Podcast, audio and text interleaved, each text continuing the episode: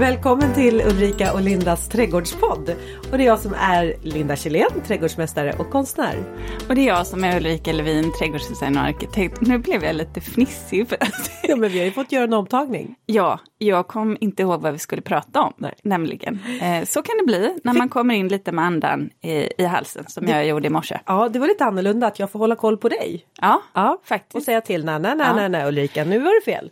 Men jag vet vad vi ska prata om, för mm. vi ska prata om kompost. Och det här är ju någonting som du har jobbat en hel del med. Jag menar, jag kan inte odla utan att ha en kompost. Man kan väl säga så här. Det var ungefär som att när jag blev riktig, alltså inom citationstecken, odlare eller då trädgårdsmästare. Det var när jag insåg att jag har ett behov av en kompost jag kommer inte klara av att hantera min trädgård utan att ha en kompost. Det blir liksom inget slutet eh, kretslopp överhuvudtaget utan en kompost. Mm. Så det är väl där, eh, före och efter komposten, före och efter att man blir en riktig odlare. Alltså inom citationstecken. Mm. Vad har du gjort eh, under veckan som varit då? Ja, vet du vad, det var lite roligt det här. Jag blir alltid lika överraskad när vi möter, eller vi, i alla fall när jag möter lyssnare. Och i så här, lite oväntade, jag, jag tänker att ingen har någon aning om vem jag är. Och, och det här är jättetokigt, för så kan jag tänka till och med när jag går i hallarna ute i Årsta och ska handla växter. Ingen vet vem jag är. Och, och, då ska jag då handla växter och sen så säger den här tjejen som ska ta betalt av mig. Eh, just det, vad är det, du heter Lotta Kjellén eller Nej, Linda heter jag. Men så tänker jag så hur kan hon veta det? Alltså jag har aldrig träffat henne. Och, eh... nej, nej, precis. Syns bara i tv typ var och varannan vecka. Ja, men jag, jag tänker inte på det utan jag, jag, tror att jag inte att jag är anonym. Och då men då så säger hon så här att eh, jag lyssnar på din, din eh, och eh, ja, din podd. Ah. Din Ulrikas podd. Aha, så jag, en lyssnare och då blir det väldigt så här, då kommer man väldigt nära för att då inser jag att eh, ja, men vi, det är ju ändå liksom en timmes program som vi sitter liksom och pratar och delar med oss om personlighet, alltså personliga eh, händelser och tankar. Så det var lite roligt. Jag blir, jag blir lika överraskad varje gång. Mm. Ja, jag får samma känsla. Ja. Det, och för mig så är det verkligen ovant kan jag tycka. Ja. Eftersom jag inte är um, publik på det sättet som du är ändå. Fast det spelar ingen roll, det är ova eller ovant. Ja, men det är roligt. Ja, men det är jätteroligt. jätteroligt. Jag blir så glad varenda gång någon säger att lyssna på podden. Eller, ja. Det är bara positivt och jag, jag tycker så mycket om när eh, du som lyssnar eller tittar tar kontakt. Och jag blir jätteglad för det. Då kan jag passa på att säga att vi har ju faktiskt ett eh, mejlkonto också nu. Ulrika och linda.gmail.com. Där man faktiskt kan eh, ställa eh, frågor eh, eller rättare sagt förslag på om det är något ämne som ni vill att vi ska ta upp, vilket några redan har gjort. Mm. Eller eh. bara så här att ni vill eh, lufta era tankar kring eh, podden och du, oss. Vill du ha lite kärlek nu Linda? Från lyssnarna? Ja precis, ja. Säg, att, vi, säg att vi gör, vi, gör, vi gör så gott vi kan i alla fall här i podden. Verkligen. Nej men vi, vi, vi, gör, vi är bra. Eh, nej men så det är väl det. Jag, jag har träffat lyssnare och sen så har jag grusat upp ytan framför växthuset för att det är stora saker på gång här eh, också på Överjärva gård. Eh, men eh, ja, det är vad jag har gjort. Och har du hunnit med då? Jag har faktiskt eh, fått ta min första spruta och är, ja om någon vecka så tror jag att då blir det ju andra sprutan som jag ska ta. Din vaccination alltså? Ja, mm. och mot, mot covid-19 då. Ja. Och det känns ju jätteskönt. Det är sällan jag har gått och längtat efter en spruta på det här sättet. Jättekonstigt! Ja, men faktiskt det är ju det. Och jag var glad när jag tog första sprutan. Jag satt och log och jag log när jag gick därifrån. Och, du vet, jag bara ut liksom det bara osade glädje om mig. Eh, jag tycker det är helt fantastiskt och jag måste säga att logistiskt vilken utmaning det måste ha varit. Funkade jättebra för mig. Eh, men det jag framför allt tycker ska bli så skönt är att jag ska kunna få krama min mamma mm. och pappa. Eh, faktiskt. Oh. Jag har inte riktigt trott att den där kroppsberöringen skulle vara så viktig. Men jag känner att jag har saknat den. Och min mamma är ju har blivit här eh, dessutom allvarligt sjuk så att det har varit ganska det har varit väldigt påfrestande under eh, den här pandemin att inte kunna träffas, att inte kunna bidra eh, och, och, inte kunna vara nära mm. när det är svår sjukdom som ska hanteras. Och det ska hanteras både av mina eh, av båda mina föräldrar. Det är som eh. ofrivilligt avstånd. Ja, verkligen. Och, och jag kan, du vet, jag kan bara känna så här att jag, jag vill bara krama min mamma och du vet, känna hennes, hon har så här, hon har sån persikohud, alltså hon är så himla len och du vet bara kunna lägga kinden mot hennes och mm. ja, så att eh, nu vet jag att ja, nu kommer jag få min andra dos, hon har fått sina sprutor och pappa också. Och ja, den tiden som covid har tagit bort, det känns ju som att, eh, eller har tagit känner jag, från mm. oss. Det, det ska bli så himla skönt att få återta kontrollen över den. Förstår nu. jag att du satt där med sån glädje. Ja. Eh, för det är så många känslor som ligger liksom bara och väntar på att få släppas fram. Bara ja. du får den här injektionen. Ja. Jag och mamma, vi, jag, mamma hon är lika så spontan som jag, eh, mera så här känsla än förnuftet. Eh, men vi har inte heller kramats men däremot så har vi gnuggat rygg. Ja. har vi gjort så här, oh, bara. Ja. ja, jo men jag kan, ja och jag, jag blir förvånad. Jag känner jag är ju ändå vuxen. Jag förstår att mina barn har ett behov av, av närhet, men banne mig också. Så jag tror att jag kommer ha kramkalas här efter andra sprutan och två veckor därefter. Mm. Då Härligt! Ja, om man får. Ja. Men, ja. Men, ja. ja. Mm. Om smittspridningen går ner. Jag vet inte, det känns lite oklart det där, men jädrar vad det ska kramas när det går. Ja, oh, gud, jag längtar också tills jag får ta min, min vaccination. Ja. Jag eh, har inte lyckats boka någon tid. Det släpptes ju tider här alldeles eh, för några dagar sedan.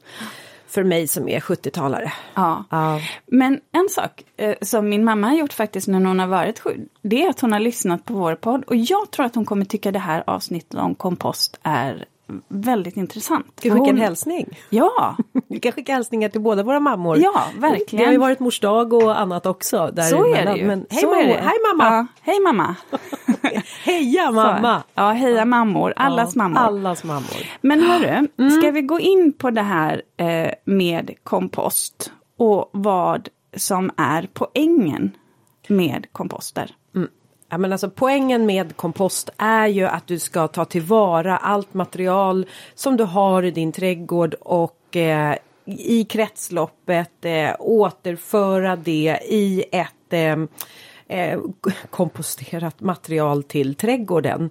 Där du har då förvandlat eh, både mm, eh, växtrester, eh, kvistar, som är finfördelat till ny mullrik eh, jord. Eller om du har en eh, varmkompost som vi kommer in på som du då kan ha eh, matrester i. Att du får då en näringsrik jord.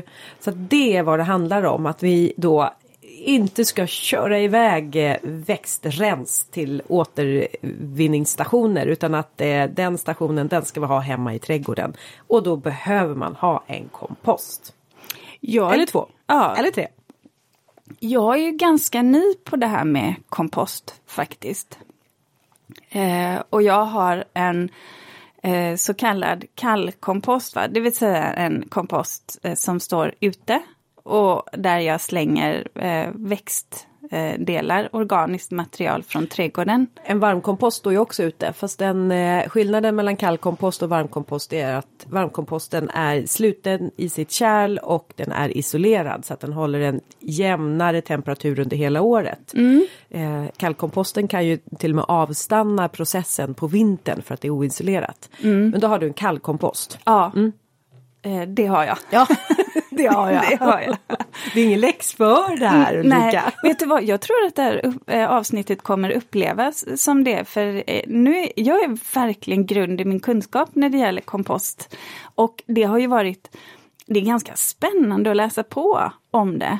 och så samtidigt så kan jag tycka att det är lite komplicerat. Kanske för att jag själv gör det komplicerat.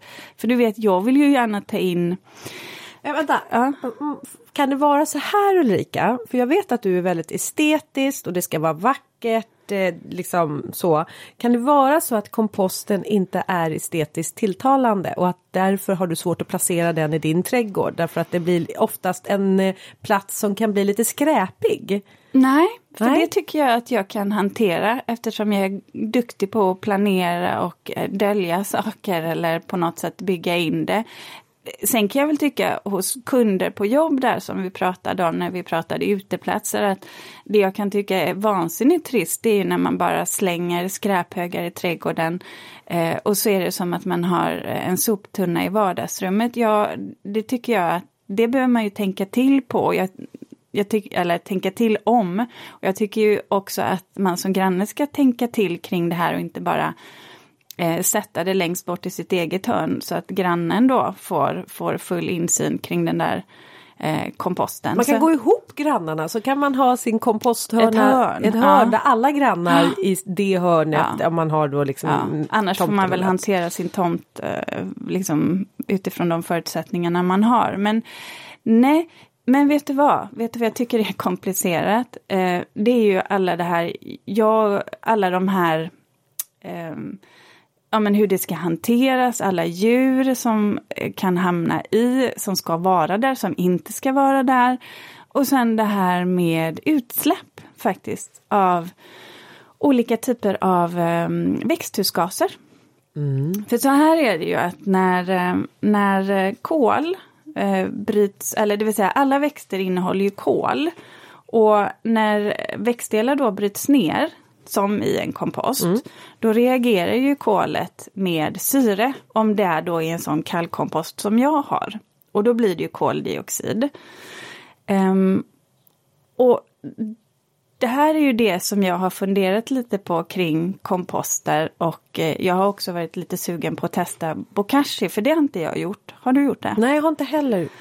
Nej, men så, så lyssnade jag på eh, Odla eh, med P1.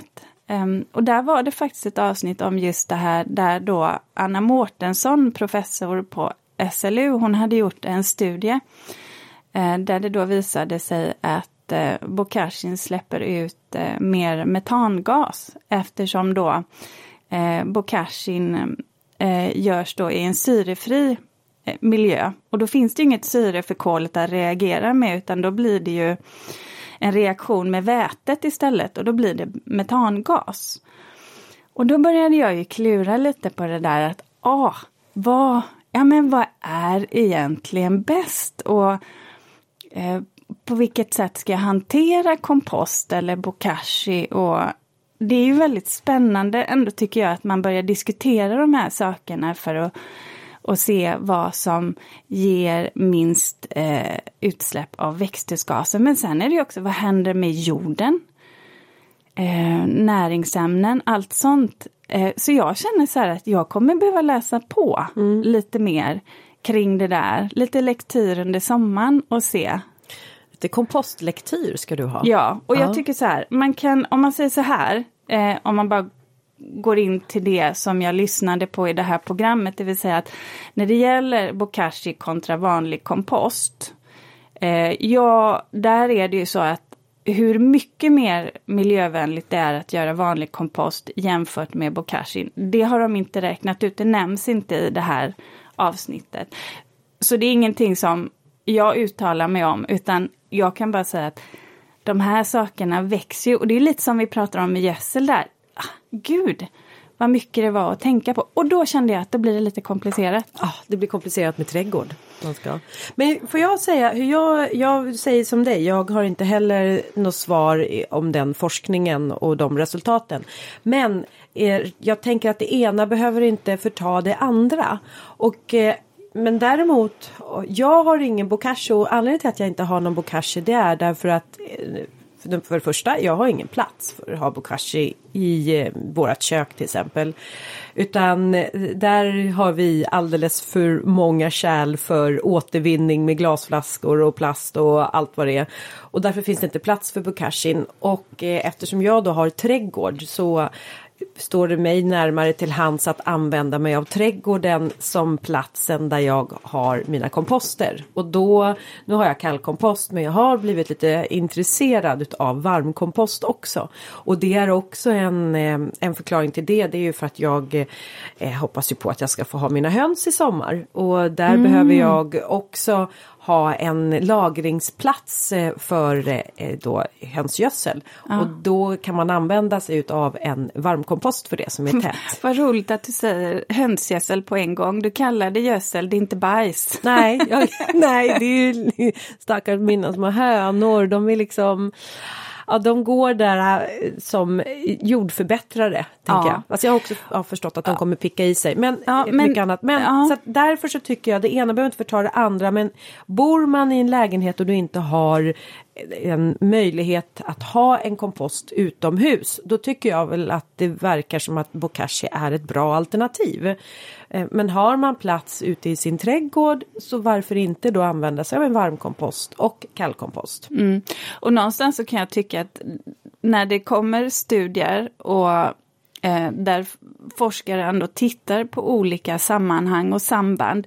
Det är ju egentligen på det sättet som vi vanliga dödliga kan ta till oss information. Vi kan ju inte göra de här studierna själva. Så jag tycker det är jätteintressant ändå att få det här eh, granskat. För att det innebär ju att kanske gamla sanningar motbevisas. Eh, och att man måste liksom tugga i sig att eh, man ska inte göra som man tidigare gjort. Men sen är det ju ändå så i vetenskapen, det ligger i dess natur, att saker och ting ifrågasätts. Och att man då får försöka motbevisa eller försvara sitt påstående. Så det tycker jag ändå är intressant.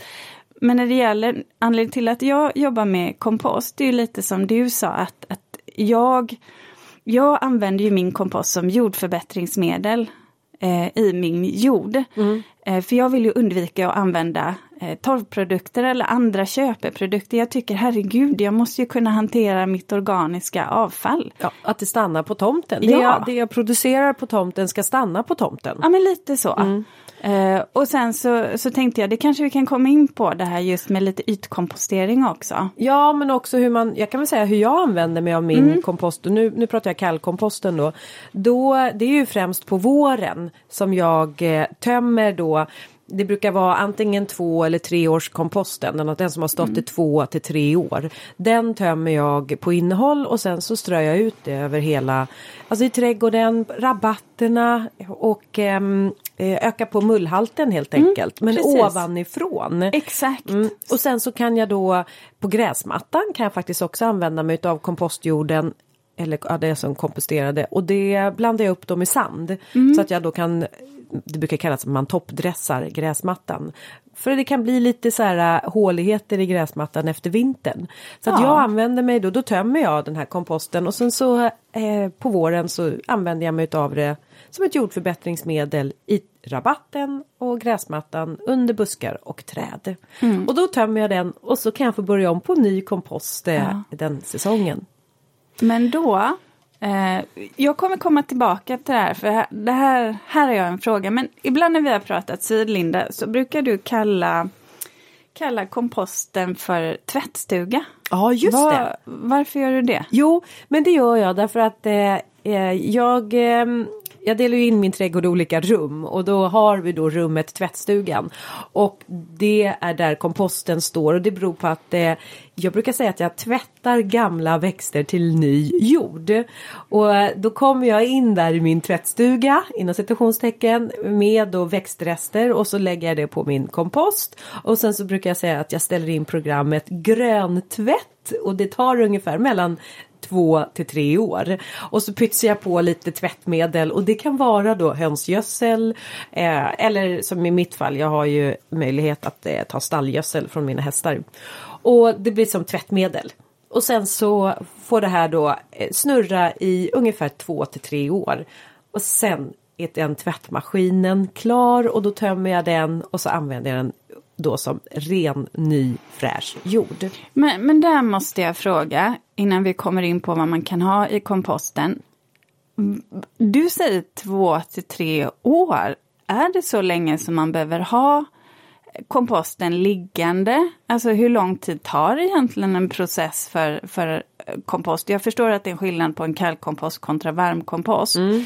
Men också nästa fråga då, anledningen till att man har det längre tid, är det för eh, om man då har blandat i fleråriga rotogräs eller vad, vad är grejen med att det ska ligga i två till tre år? Det är, är jättelång tid Linda. Ja, visst är det väl underbart med trädgård att man får en annan, det går liksom inte att skynda i trädgården utan det tar sin tid som det tar. Men då behöver man, får... man ju ha olika fack ja. eller hur ska man? Ja, Jo, så här. Ja. Jag har eh, tre stycken eh, komposter. Emellanåt så har jag till och med fyra på gång beroende på hur mycket material som jag klipper ner i min trädgård.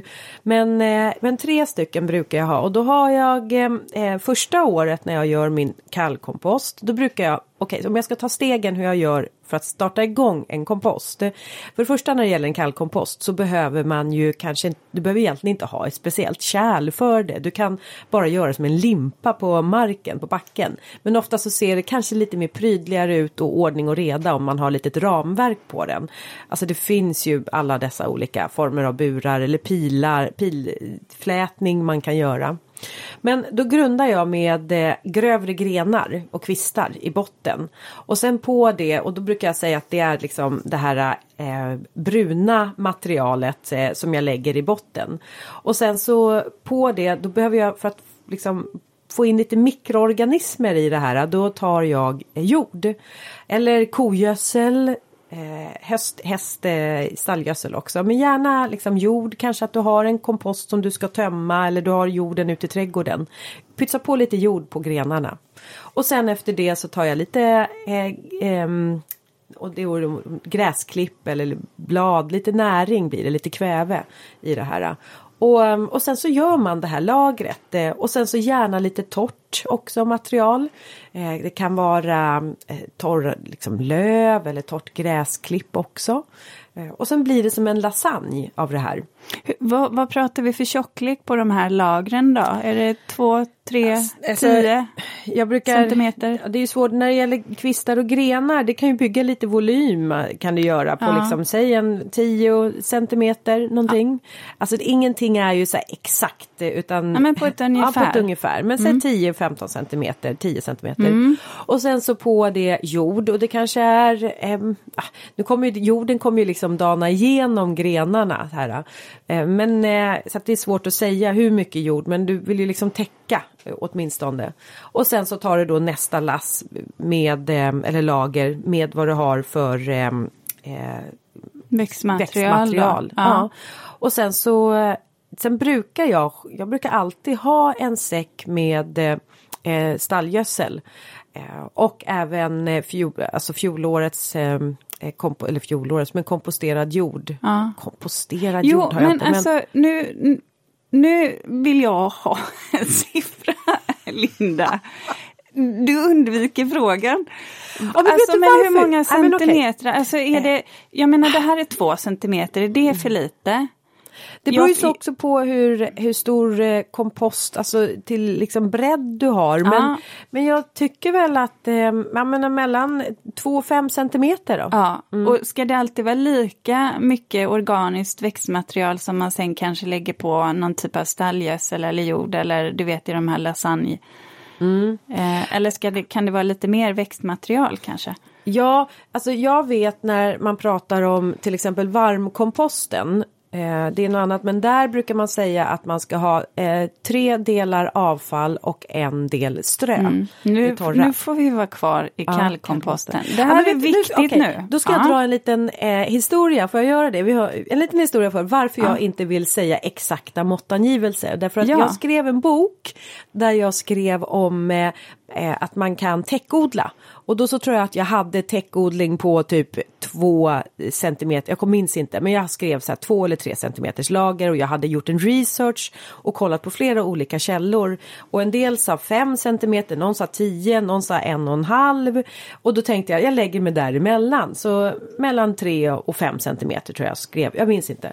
Men då var det faktiskt en som recenserade boken som höll på att gå i taket över att jag sa tre centimeter, eller om det var två. Nej, för det var en och en halv centimeter som gällde. Aha. Och då kände jag så här, jag tycker att det är obehagligt att säga exakta Aha, mått. Därför jag att då finns det så här, app, app, app, app, eh, app. Du råkade ut för en petimeter där. Ja, Mm. det, ja. Eh, Så att, men, Ja, man, okej, men och du, sen är jag, mera ger på känsla då. Jag ja. ger mig. Men- Ja, då får, då får man anpassa. Då är det lite som vi säger ibland, eh, sunt förnuft då. Okej. Ja men, det, ja, men det, okej, gör du en lasagne så är, gör ju också du en lasagne efter eh, hur mycket hur mycket mm, eh, ingredienser du har att tillgå, alltså så här, hur mycket köttfärs du har eller vegofärs. vego. Ja. Ja. men då kommer du lyckas med din Ja. ja. lasagnekompost. Så här, ska jag vara helt ärlig Linda, jag har fått jättefin jord. Och det var väl därför jag undrade lite om hur, hur lång processen... Du har svaret. Eh, ja,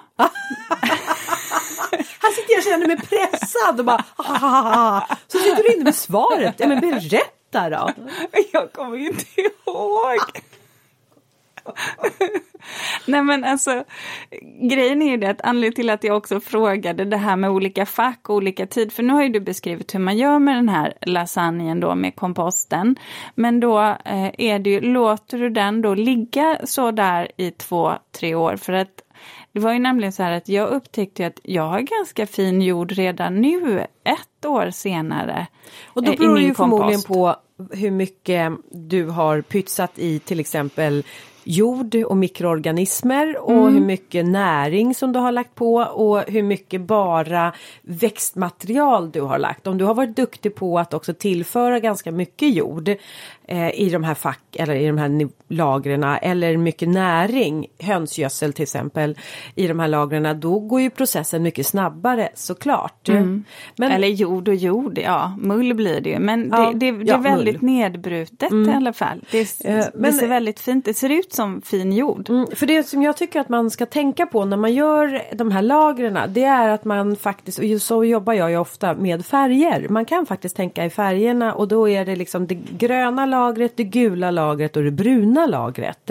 Och det gröna lagret det är ju färskt växtavfall som gräsklipp och det kan vara örter, ogräsrens.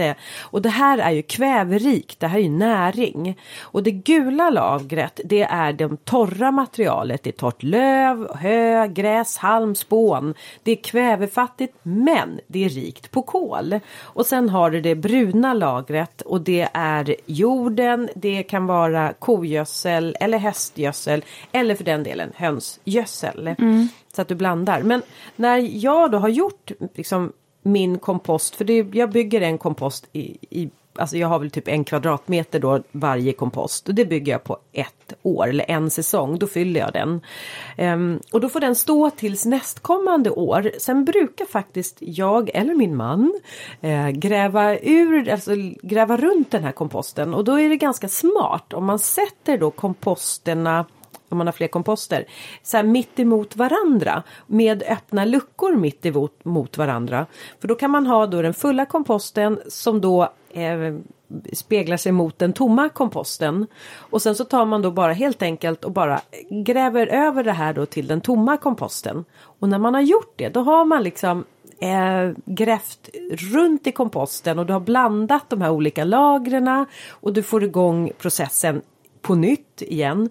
Och då kan man täcka det här eh, då det, det andra året. Då täcker du det med eh, men det kan vara det här gula lagret med eh, halm eller löv, någonting som ett lock. Och så får det ligga där år två. Och sen då när då år två har gått, då är det dags att eh, använda den komposten. Och är det då för att eh, man, om man nu har slängt rot, flerårigt rotogräs i? Är det för att det så att säga ska dö som man har det så länge? För jag tycker att, jag tycker att min kompost är ganska användbar mm. ut redan nu. Mm. När det gäller fleråriga rotogräs, jag skulle aldrig slänga det direkt på komposten. Jag skulle göra det till det gula materialet först, det vill säga jag, jag låt säga kirskål till exempel. Mm. Ja, det, det, det, slänger jag inte nej, på komposten. Men, och, men, ja. men alla vet säkert vad kirskål ja. är och eh, men andra liksom riktigt ogräs, maskrosor mm, till exempel och, mm. och, så. Där brukar jag eh, lägga det på grusgången och i gassande sol ah. och så får det torka mm. till. Och sen när det är torrt och gult, lite så här fnöskigt, då hamnar det på komposten. Så man tar död på hela processen mm. egentligen så att det inte Ja, det är smart. Ja, mm. och då får jag ju det här gula torra lagret. För man behöver det torra lagret för att komposten får inte bli för fuktig. Mm. Den får inte bli för blöt. För blir den för blöt, ja men då blir den ju också syrefattig. Eh, och då kan den liksom börja att surna. Men den får heller inte vara för torr. För är komposten för torr då eh, avstannar ju processen.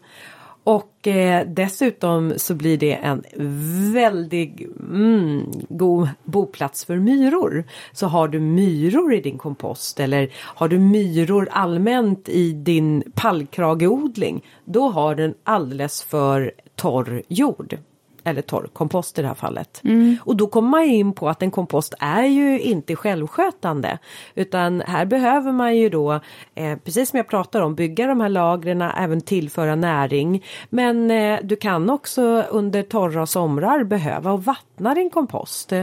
Och jag har alltid stående vattenkannor vid komposten så att jag kan liksom vid torrt väder så här, eh, vattna ner och speciellt om jag lägger på ett lager med näring, till exempel hönsgödsel. Och om det skulle vara då i pelletsform, då behöver jag vattna så att näringen går ut. Mm.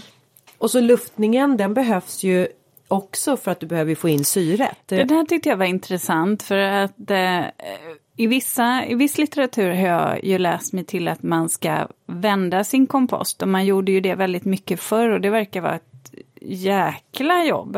Eh, men sen har jag läst i, i eh, annan litteratur lite senare här att man faktiskt inte ska hålla på eh, och, och gräva så himla mycket i sin kompost. Men jag, jag läste ändå att man skulle vända den vilket jag gjorde. Och mm. du sa att du gräver i din. Mm. Så jag har vänt den en gång. Ja, men det är också så här hur snabbt vill du att processen ska gå? För om du inte vänder, process, eller vänder kompo i komposten så tar det egentligen, alltså min erfarenhet är att det tar bara längre tid.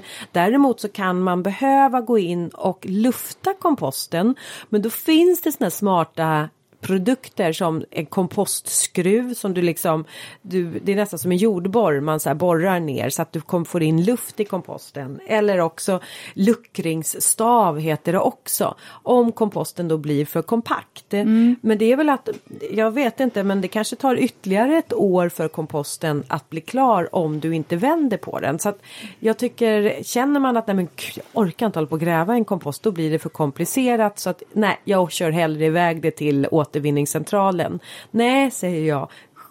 Slut, alltså gör inte, vänd inte komposten, det är bättre än att du behåller eh, ditt material mm. på tomten. Grejen var ju att när jag började gräva mm. eller liksom vända eh, i oh. komposten lite med grep. Ja.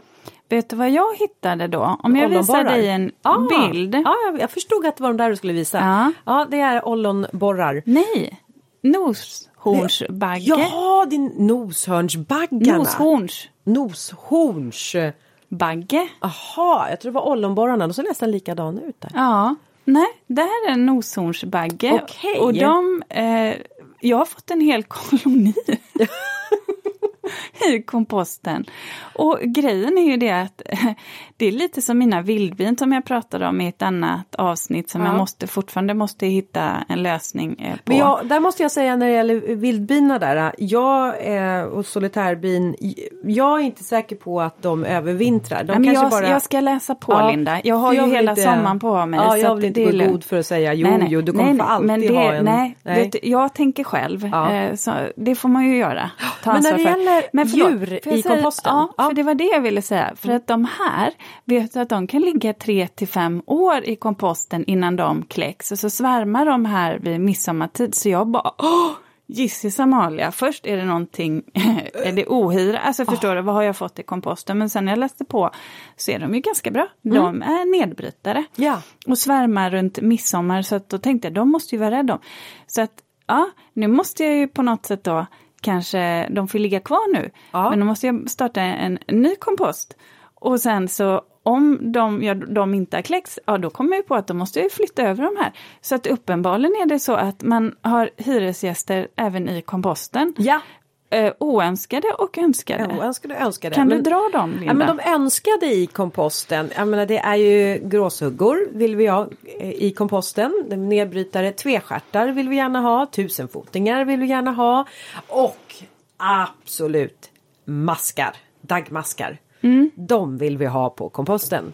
Så att, ehm, eh, och det är ju så här, man kan ju faktiskt eh, eh, åka till någon välsorterad butik och så kan man köpa maskar. Men man behöver inte köpa, förhoppningsvis så har ju du nu en sån bra balans i din trädgård så att när du sätter spaden i jorden så hittar du maskar. Ta med dig de maskarna och den jorden och sen så lägger du det i komposten så att du får liksom hjälp med processen. Nu nämnde du ollonborrar. Är det, något man kan få i komposten? Eh, alltså de brukar ofta också dyka upp i eh, pallkragar och, och det är väl så här med ollon... Det är, de, de trivs ju vid gräsmattan va? Eh, och där är, får man... Eh, ja, eh, jag tror att jag lämnar det just nu. Ja. Eh, vi, tar, vi tar dem här. Vi, Ja. Jag tror att vi ska ha ett sånt Jo, avsnitt vad det, det lider. Där vi pratar Men om du, just vissa oönskade Eh, gäster. Då frågar jag om någonting som jag faktiskt har upptäckt i min kompost när jag slänger organiskt material. Du kan nästan gissa vad det är va? Sniglar. Ah, ja, mm. Bra eller dåligt? Alltså, vadå, Det blir en snigelfälla om inte Ja. annat. Och Men då sniglar hittar jag ju definitivt i, i komposten under sommar, eh, sommartid. Mm. Ehm, ja, eh, Är det Ja. mördarsniglar så kan jag säga att då plockar jag ju bort dem Ja. oavsett när jag går på min snigeljakt där Ja. om kvällarna.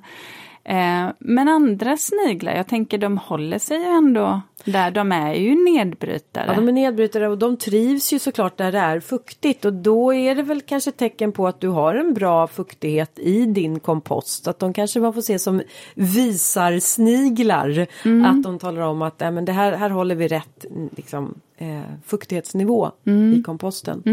Ehm, men eh, Alltså det är väl som alltid den här balansen man vill åt. Har du för mycket sniglar eller snäckor så kanske du får plocka bort dem. Ja, för jag tänker man vill ju inte gärna att de ska eh, flytta in permanent. Vissa saker vill man ju ändå hålla, måste man ju hålla undan om Ja. man ska få ha sin odling i fred. Ja, precis. För det har jag ju Och då, märkt. och men om vi pratar om varmkomposten för att skillnaden på en, en kallkompost och en varmkompost det är att den kalla komposten där vi lägger växtdelar eh, det är ju en näringsfattig, hyfsat näringsfattig eh, mull som bildas därefter för att eh, det är ju oftast liksom förbrukat växtmaterial och då finns det inte särskilt mycket näring kvar där i utan vi tillsätter ju egen näring. Så den mullen vi tar ut där den har ju inte särskilt mycket näring i sig så det är ingenting du går och gödslar din Nej, trädgård med utan, utan du bara jordförbättrar. jordförbättrar. Ja. Däremot om du har en varmkompost så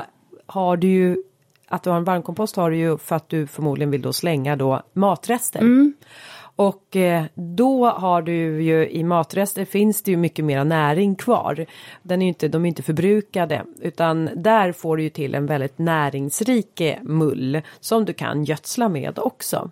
Men eh, när man slänger då, då ska man ju faktiskt eh, när det gäller varm, varmkomposten då är det ju liksom regler på att den måste vara eh, skyddad för att eh, råttor eller ormar eller annat liksom fåglar ska komma, kunna komma åt. Och då brukar man säga, man, för man behöver fortfarande en luftning i en varmkompost men då är, får man ha ett nät, ett metallnät och det får vara max 5 millimeter stora små liksom, eh, ja, vad säger man, håligheter i nätet. Eh, så att inte det kommer in eh, några, eh, några ogäst, oinbjudna gäster. Men eh, och för vad man vill med en värme, varm kompost är att du vill ju verkligen få upp värmen och du vill hålla kvar värmen under hela året. Och jag menar du kan, du kan faktiskt få upp den till 60 grader varmt i en varmkompost. Det är mycket. Ja det är mycket är det. Och då kan man också ha lite koll på hur pass mycket drag man har i sin kompost genom att man köper en jordtermometer. Och så sätter man ner och är den alldeles för kall, ah, men då kanske man behöver antingen pytsa i lite mera näring eller också isolera bättre. Och det här kan, ja, en teori.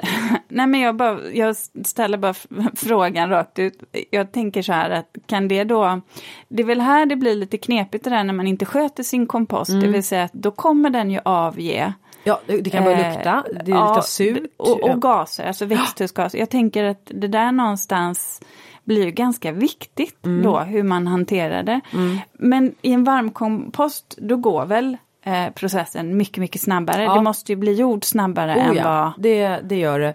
Eh, så det, där behöver du ju inte vänta det där uh, liksom två åren utan det kan ju gå. Jag, jag har inte jag de exakta siffrorna och jag har inte heller jobbat med varmkompost men jag skulle nog säga att det går på ett år. Ja. Är det det finns de som säger sex veckor men det, mm, den, den ställer jag mig lite tvivlande till. Men jag vet inte.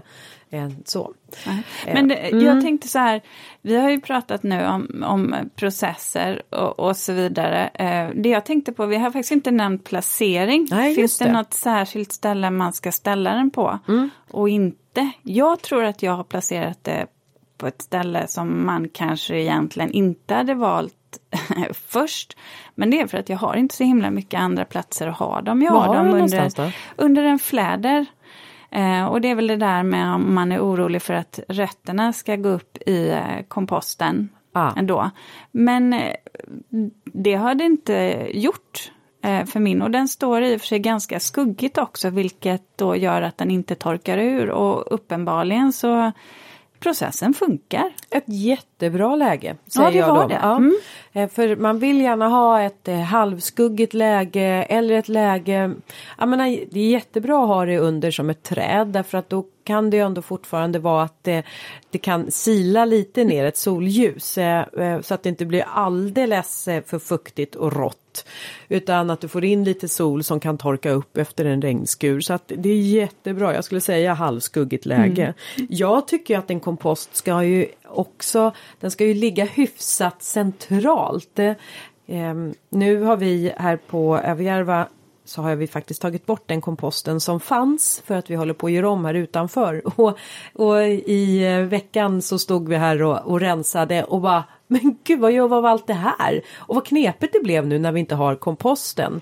Och var ska vi nu placera komposten? För att vi vill ju inte springa och, och liksom dra skottkärrorna en omväg.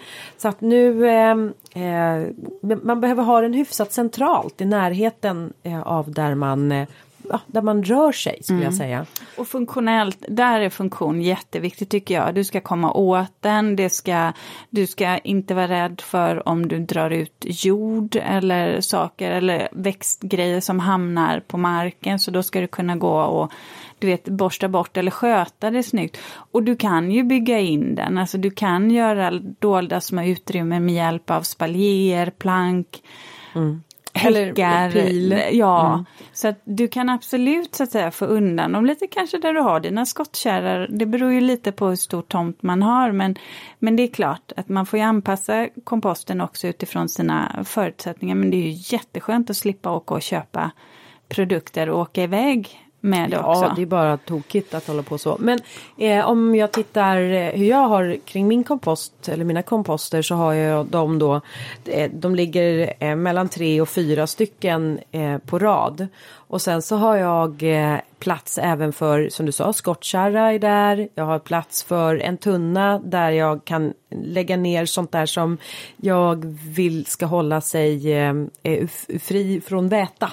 Där inte vatten ska komma åt. Om det kanske är lite eh, gräsfröer om jag behöver ut då så att då har jag en tunna eh, med lock på. Och sen så har jag även ett planteringsbord så att jag lätt kan göra mina omplanteringar. Även om jag har växthuset så kan det ibland vara så här att nej, skönt att få stå ute. Så att eh, man har ett, eh, ja men det blir lite som en utomhus, eh, eh, hobbyrummet utomhus. Ja, och du kan avskilja med skärmvägg eller på något sätt. Sen om det är en grön skärmvägg eller något i trä eller metall, vad du vill ha. Det går ju bra. Men du, när vi pratar om lite så design. Du eh, brukar, eh, när du möter dina kunder, är det någonting som de efterfrågar en eh, kompost i sin trädgård? Eller hur? Eller är det någon som säger så här, först på önskelistan är en kompost? Sällan, väldigt, väldigt sällan. Däremot så, så är det ju så här att de kanske har behov av en, eh, ja men att slänga sitt trädgårdsskräp och då är det ju någonstans oavsett om man ska köra iväg med det eller om man ska återanvända det i en kompost så måste ju ytan finnas. Alltså någonstans ska du ha ditt kärl eh, för ditt trädgårdsavfall. Så att det blir ju ändå så att jag ritar in det, att man ska ha den ytan eh, någonstans. Och då är ju också funktion, precis som du säger, tillgängligheten viktig. För det spelar ingen roll hur man använder det.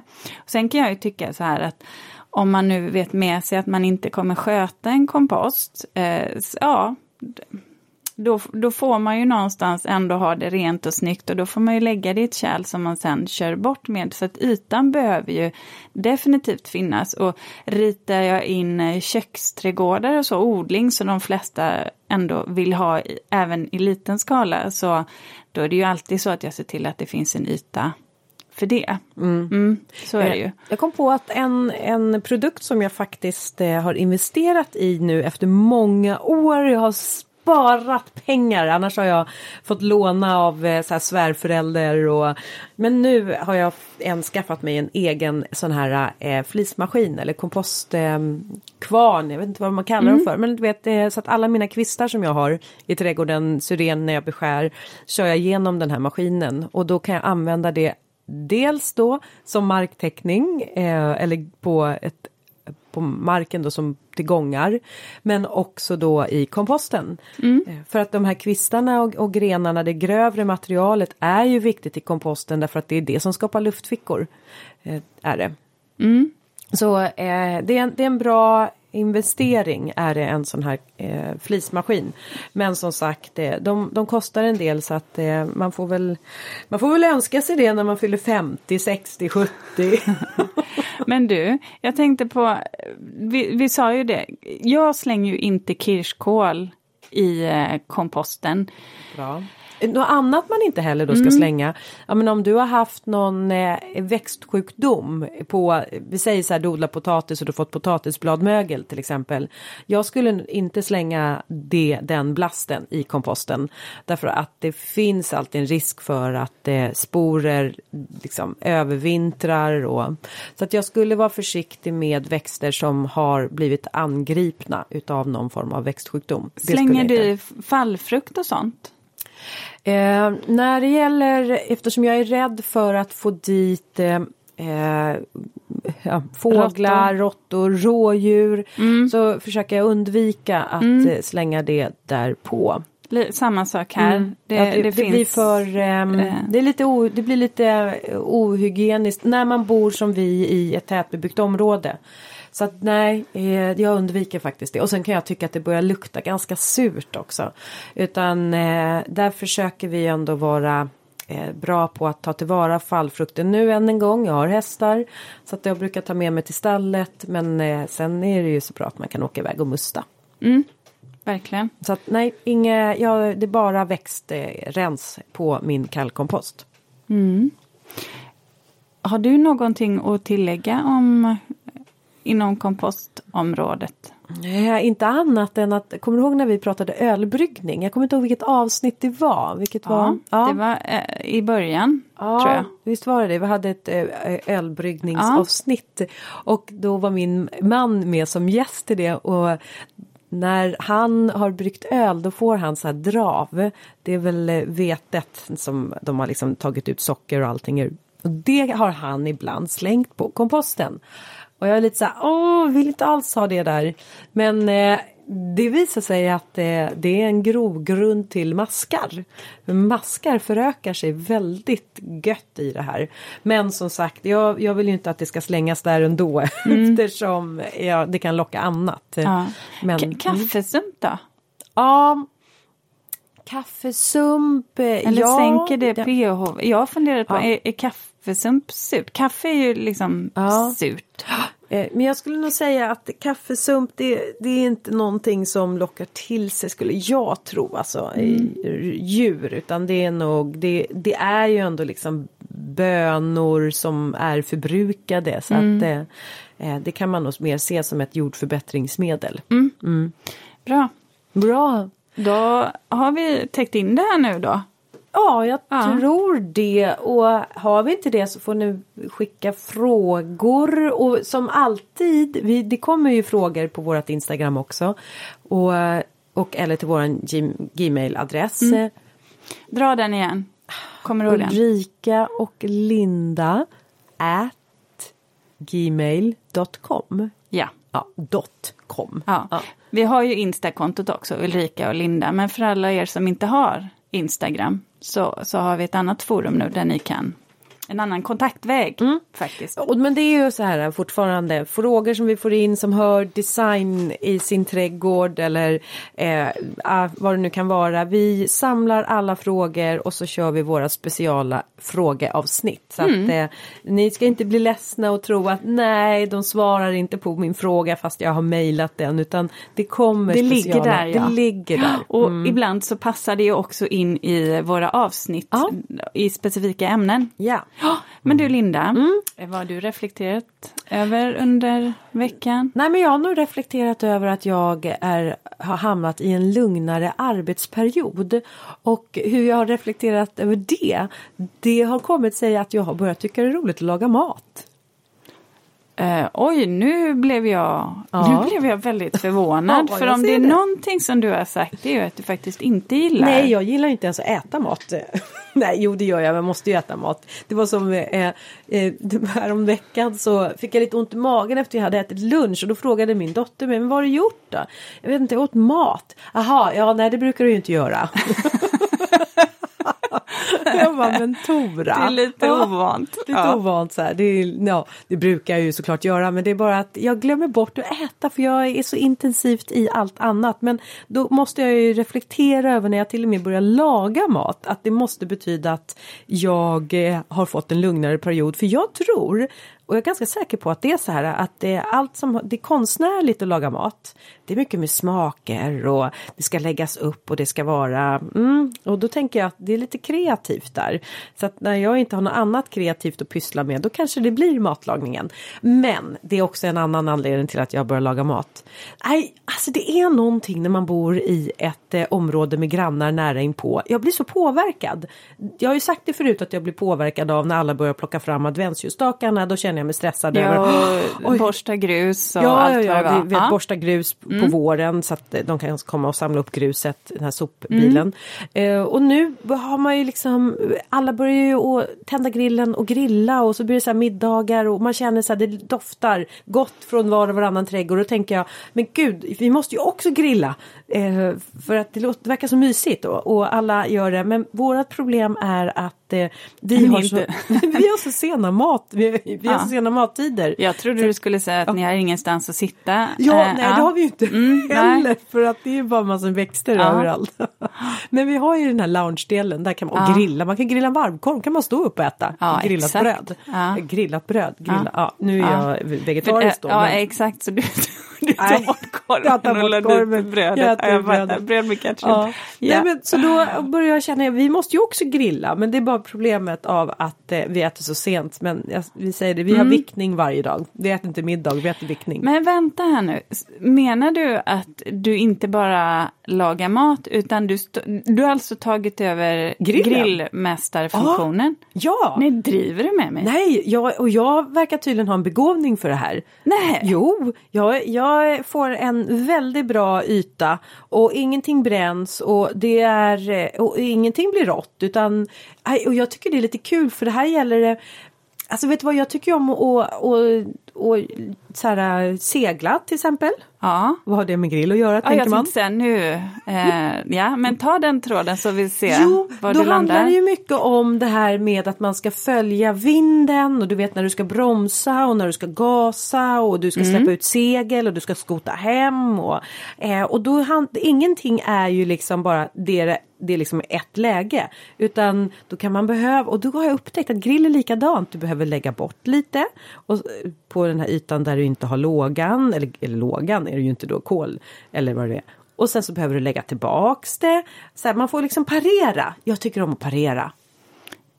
Har du stått vid grillen jättemånga kvällar nu? En gång. Ja, Nej, två gånger har jag faktiskt gjort Okej, det. mm. Ja, jag har gjort det två gånger. och det har gått bra låter det som. Ja, Mm. ja, det har gått bra. Men jag vill inte att det ska gå för bra för att då kanske jag blir den som blir den grillmästaren hemma. Jag tycker ju ganska trevligt att sitta och ta en drink medan någon annan grillar. Ja, det brukar vara min position. Ja. faktiskt. Men vet du vad? Då kan jag ju bara säga Linda att då kommer du ha fantastiskt roligt i vårt nästa avsnitt. Nästa Ja. vecka. Mm. Det kommer Vi jag ha. låter det vara en eh, cliffhanger. Ja, ja. Mm. ja. Några dagar till. Mm, jag ser fram emot det avsnittet. Ja. Nej, men, och nu ser jag fram emot att få höra vad du har för reflektion. Jag har faktiskt ett tips, kanske inte en reflektion men, Nej, men, men ett får man tips. lämna tips? Jag trodde bara vi fick hålla på med reflektioner här. Men eftersom jag skriver manus så tar jag mig eh, friheten. Ja.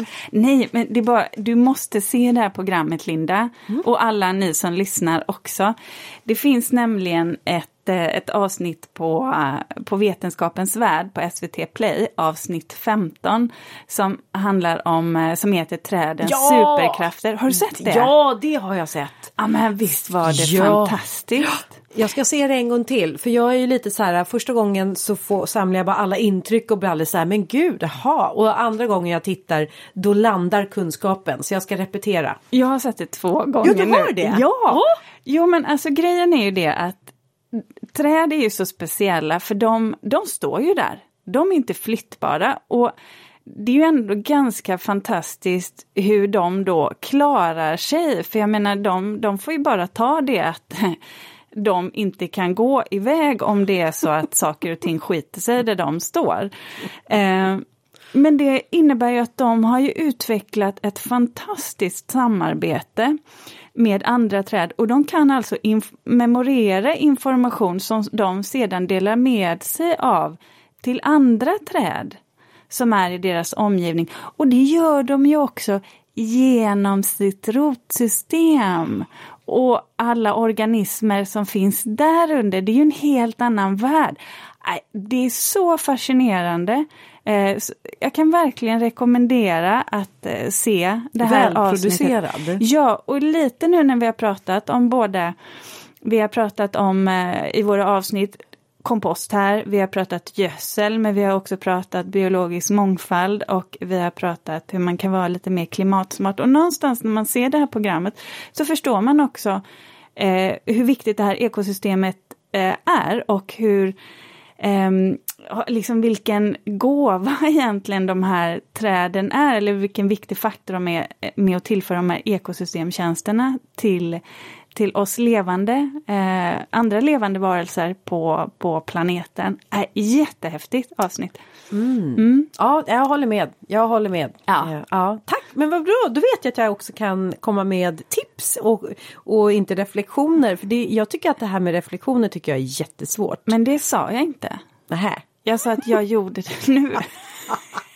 Det, det, likställ inte det med att det är fritt fram. Nej, nej, nej, okej, okej, jag fattar, jag fattar. Fast ändå, jag, eh, Men jag, jag, kan, jag kommer bestämmer. släppa det någon gång. Ah, Okej, vad bra, vad bra. Ja. Ja. Vi får ta det i vårt försnack. Ja.